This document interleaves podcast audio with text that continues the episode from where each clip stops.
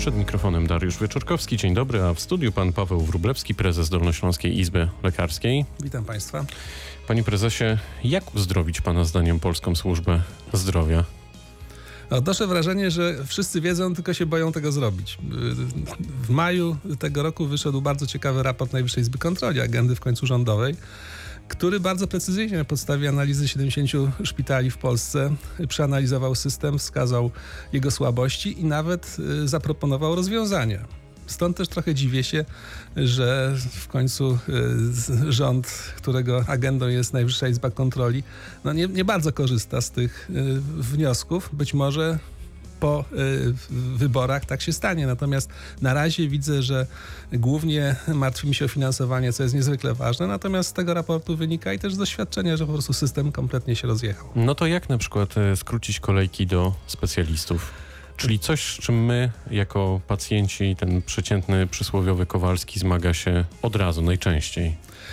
No, Już na starcie. System opieki zdrowotnej to system naczyń połączonych. Tutaj nie można w sposób prosty, tak jak w tej chwili słyszymy na przykład w różnych y, spotach wyborczych, banerach czy deklaracjach y, kandydatów na posłów, zrobić jednostkowo jed, jednego działania, które uzdrowi wszystko. E, trzeba by wrócić w zasadzie e, i do początków reformy, żeby o tym mówić, i też do systemów, które funkcjonują na świecie. No, skracając, e, my jak zwykle popełniliśmy błąd na początku w latach 90., gdzie służba zdrowia po raz pierwszy stała się przetargiem, kartą przetargową polityczną. Mieliśmy, pamiętam wtedy Unię Wolności, panią profesor Tymowską, która proponowała system budżetowy Organizacji Ochrony Zdrowia, no i AWS, który konkurował w tej chwili wtedy z Unią Wolności, który naciskał na duże zmiany ze wprowadzenia systemu ubezpieczeniowego. Problem w różnicy tych systemów polega na tym, że system ubezpieczeniowy jest niewątpliwie dużo sprawniejszy, bo działają tam instytucje, które pilnują nie, nie tylko rozliczeń, ale i jakości usług. Natomiast jest mniej więcej 25-30% droższy niż system budżetowy, który polega na prostym przekazywaniu pieniędzy i oszczędzaniu na usługach. Wtedy posz, y, rządzący poszli na kompromis, y, ponieważ inne ważne, między innymi reforma terytorialna, byłyby to inne ważne reformy stały y, również na, na szali przetargów. No i uzgodniono, że robimy system budżetowy, system ubezpieczeniowy za pieniądze budżetowe. No i AWS był przekonany, że za takie pieniądze to się szybko wszystko przewróci i, i tak trzeba będzie dołożyć pieniędzy, a Unia Wolności uważała, że oczywiście wszystko się szybko przewróci i trzeba będzie zmienić system. Stało się jak się stało, prowizorki działają do dziś dziś i po wielu różnych transformacjach sytuację mamy mniej więcej taką, że teoretycznie mamy system budżetowy, natomiast nie y, zmieniono formy organizacji, która była stricte nastawiona pod system ubezpieczeniowy. I stąd problemy y, kolejek na przykład do specjalistów. No to jak je skrócić? Wrócę do tego pytania pana zdaniem. Gdyby pan teraz zarządzał tym odcinkiem, to co by pan zrobił jako pierwsze? Znaczy jest bardzo trudno, ponieważ od kilkunastu lat nie zrobiono. E, Chyba, tak że pan naprawdę... powie szczerze, że na przykład nie da się tego Ale teraz nie, zrobić. Da się, tylko że to nie jest działanie, można powiedzieć, na już. Przede wszystkim trzeba e, przywrócić w pewnym sensie mechanizmy, które działały dawniej. W moim przekonaniu, e, zresztą pokazują to statystyki, nadal mamy zbyt wiele tak zwanych łóżek krótkoterminowych, czyli mówiąc szpitali specjalistów ze szpitali oraz większość usług, które jest dzisiaj realizowana w dużo droższy sposób w tych szpitalach, po prostu powinno się przesunąć do y, specjalistycznego lecznictwa ambulatoryjnego. I wtedy problem kolejek nie będzie, nie będzie taki straszny też warto przeorganizować, o czym zresztą piszą kontrolerzy NIK-u, no cały system opieki tej ambulatoryjnej, czyli otwartej. Czyli krótko mówiąc, nie działa wystarczająco sprawnie e, system związany z lekarzami rodzinnymi. Te kompetencje ich są dosyć mocno ograniczone i tak naprawdę nie, nie za bardzo są zmotywowani, nie mają możliwości wysyłania pacjentów e, dalej e, od siebie. Specjaliści są skoncentrowani albo w szpitalach, albo dzisiaj w prywatnej opiece zdrowotnej. No i niestety stąd mamy kolejki w, w, w, systemie, który jest finansowany z budżetu. Brzmi bardzo prosto, jak pan teraz o tym mówi. Ja mam przed sobą dziennik Gazetę Prawną e, z dziś e, i tutaj e, wywiadu panu Robertowi Mazurkowi udzielił pan Adam Maciejczyk z Centrum Onkologii we Wrocławiu i on powiedział coś takiego, że Pacjent ma trzy razy zlecone za każdym razem przez innego lekarza te same badania. Dlaczego? Bo oni o sobie i swoich zleceniach nie wiedzą. Gdy szpital, a wraz z nimi pacjent jest w sieci, wszystkie wyniki chorego są widoczne. No to znaczy, że my w zasadzie tutaj od zera powinniśmy y, budować tę służbę zdrowia. Może, Tak może sobie nie tyle od zera. No ja myślę. nie jestem specjalnie zwolennikiem rewolucji, bo już to mieliśmy. Także może nie wracajmy już na przykład do systemu ubezpieczeniowego na gwałt. Nie wymyślajmy konkurencji kas chorych, tak jak to kiedyś było w założeniu. Raczej modyfikujmy ten system. Narodowy Fundusz Zdrowia, krytykowany strasznie, tak naprawdę nie jest y, niesprawną za bardzo instytucją. Ma olbrzymią bazę wiedzy.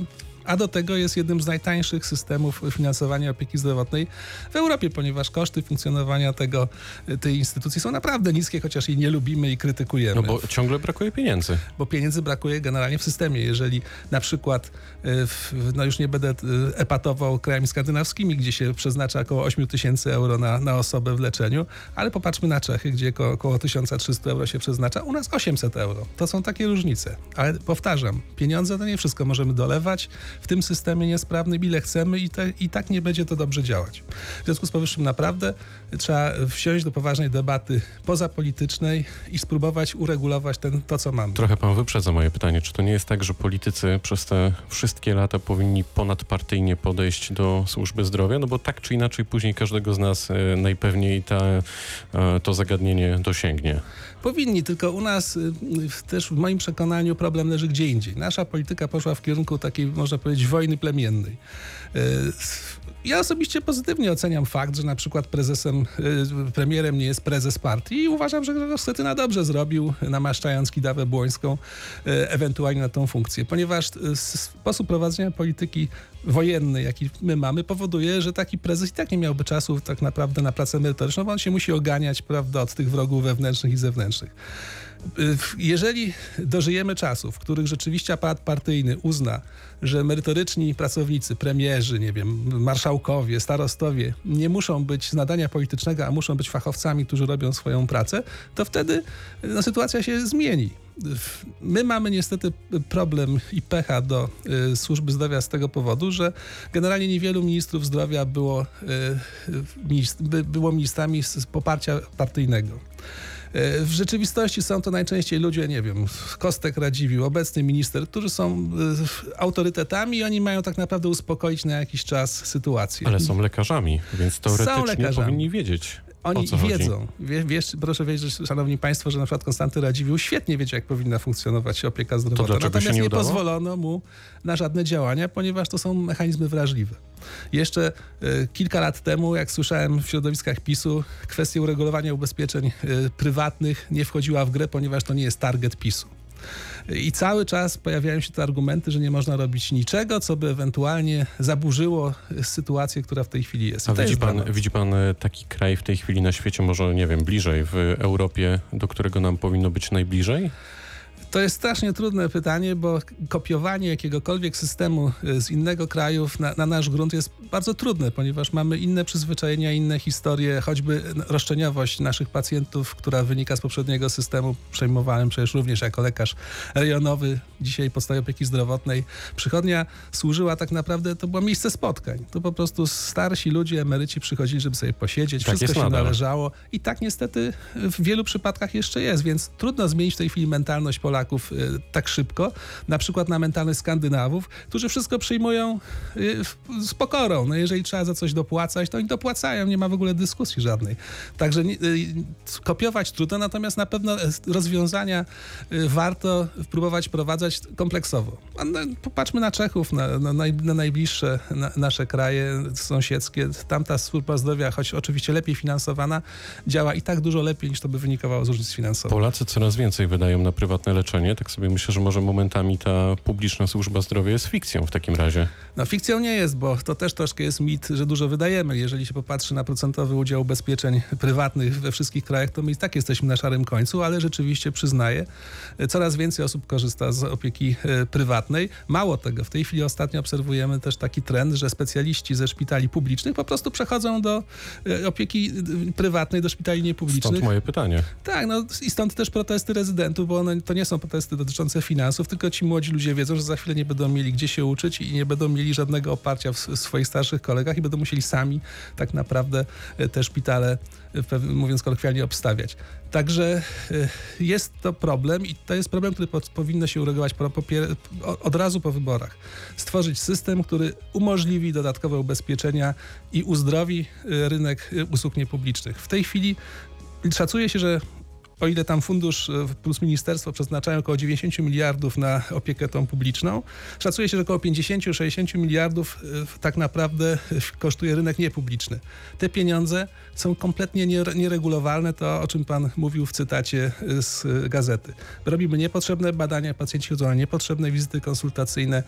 To musi być jakoś uregulowane, Ale więc od też, tego trzeba by zacząć. Jest też inny problem, bo jak w październiku rezydenci i specjaliści ograniczą czas pracy na oddziałach, no to wtedy podobno zostaną tylko lekarze w wieku tak zwanym, to cudzysłów, e, senioralnym. To brzmi fatalnie. To pana zdaniem otworzy oczy politykom, jak za chwilę nie będzie miał naprawdę kto pracować w szpitalach?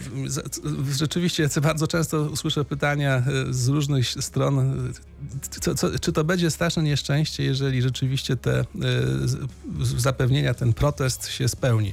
A ja cały czas powtarzam, dopóki jest, ma kto protestować, to jeszcze nie będzie źle. Natomiast że mam nadzieję, że politycy no, zrozumieją wreszcie, że nie można cały czas obchodzić tej opieki medycznej. zostałem marszałkiem w 2004 roku, to pierwsze co zebrały się grona polityczne i zabroniły mi zajmowanie służb, służbą zdrowia, tym można tylko przegrać. No oczywiście ja tam się uparłem, no i myślę, że jednak duże sukcesy w tamtym okresie osiągnęliśmy.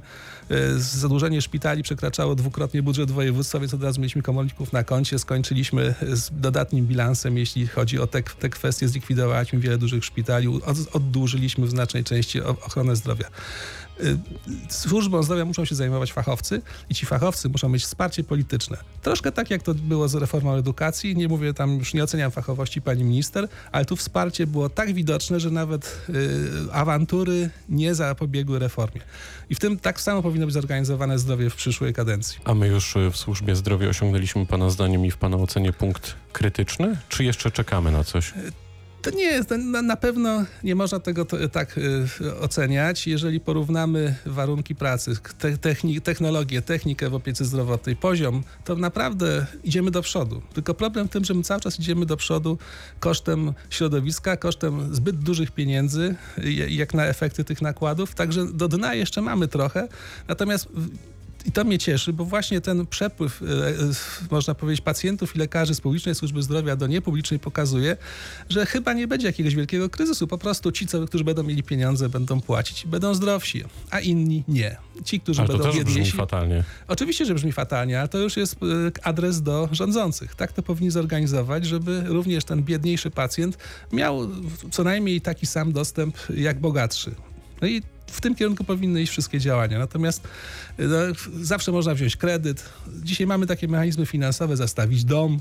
No i jak komuś rzeczywiście będzie potrzeba e, poszukiwania pomocy na rynku niepublicznym, to no, nie będzie miał wyjścia, bo zdrowie jest najważniejsze. Ale to jest naprawdę to ja myślę, fatalny że scenariusz. To jest fatalny scenariusz. W tej chwili tego, co, tego, o czym pan mówi, po prostu są załamani. No szczerze mówiąc, my też jesteśmy załamani jako środowisko, ponieważ nie bo do tego nas Każdy nas płaci na służbę zdrowia konkretne pieniądze pieniądze, e, a wynika z tego, że i tak jakby w zasadzie coś nam się wydarzyło i chcielibyśmy fachowej pomocy tu i teraz, to musimy zapłacić osobno jeszcze w prywatnej. I to jest kolejny element, który powinno się uregulować, czyli mimo wszystko ustalić jednak jakiś koszyk usług, który się należy z pieniędzy publicznych. Ale wierzcie mi Państwo, no, od lat jeżdżę przynajmniej raz w roku po różnych krajach europejskich i tam poznajemy w ramach takich studyjnych wyjazdów system opieki zdrowotnej. Nie pamiętam systemu, nie znam, w którym nie było dodatkowych ubezpieczeń i tak jak już mówiłem, nakłady na ochronę zdrowia w tych krajach, zarówno z kieszeni prywatnych, jak i publicznych są wielokrotnie wyższe. To jednym zdaniem, co przed nami w takim razie Pana zdaniem? No ja cały czas liczę, że pojawi się minister na miarę e, Zbigniewa Religii czy Ewy Kopacz. W pierwszym przypadku pan minister miał wielkie wsparcie polityczne, ale nie zdążył zrealizować swoich e, działań. Ewa Kopacz miała olbrzymie wsparcie polityczne, zdradziła środowisko dla kariery politycznej. Ja mam nadzieję, że wreszcie trafi się minister z pełnym poparciem minister, rządzącej partii. Szumowski nie, nie jest... ma żadnych szans. To nie, jest, to nie jest człowiek, który ma e, silną pozycję polityczną w partii. To musi być naprawdę ktoś o takiej pozycji jak Mateusz Morawiecki, choć oczywiście może wygrać druga strona i w taki minister dopiero w, w, przy zapleczu, przy korzystaniu z zaplecza naukowego będzie mógł y, coś ze służbą zdrowia zrobić. To pozostaje nam w tej sytuacji życzyć y, zdrowia. Ale też i optymizmu. Nie jest tak źle, jeśli chodzi o poziom opieki. Paweł Wróblewski, prezes Dolnośląskiej Izby Lekarskiej był gościem rozmowy dnia. Bardzo dziękuję. Dziękuję również. Pytał Dariusz Wieczorkowski. Dobrego dnia.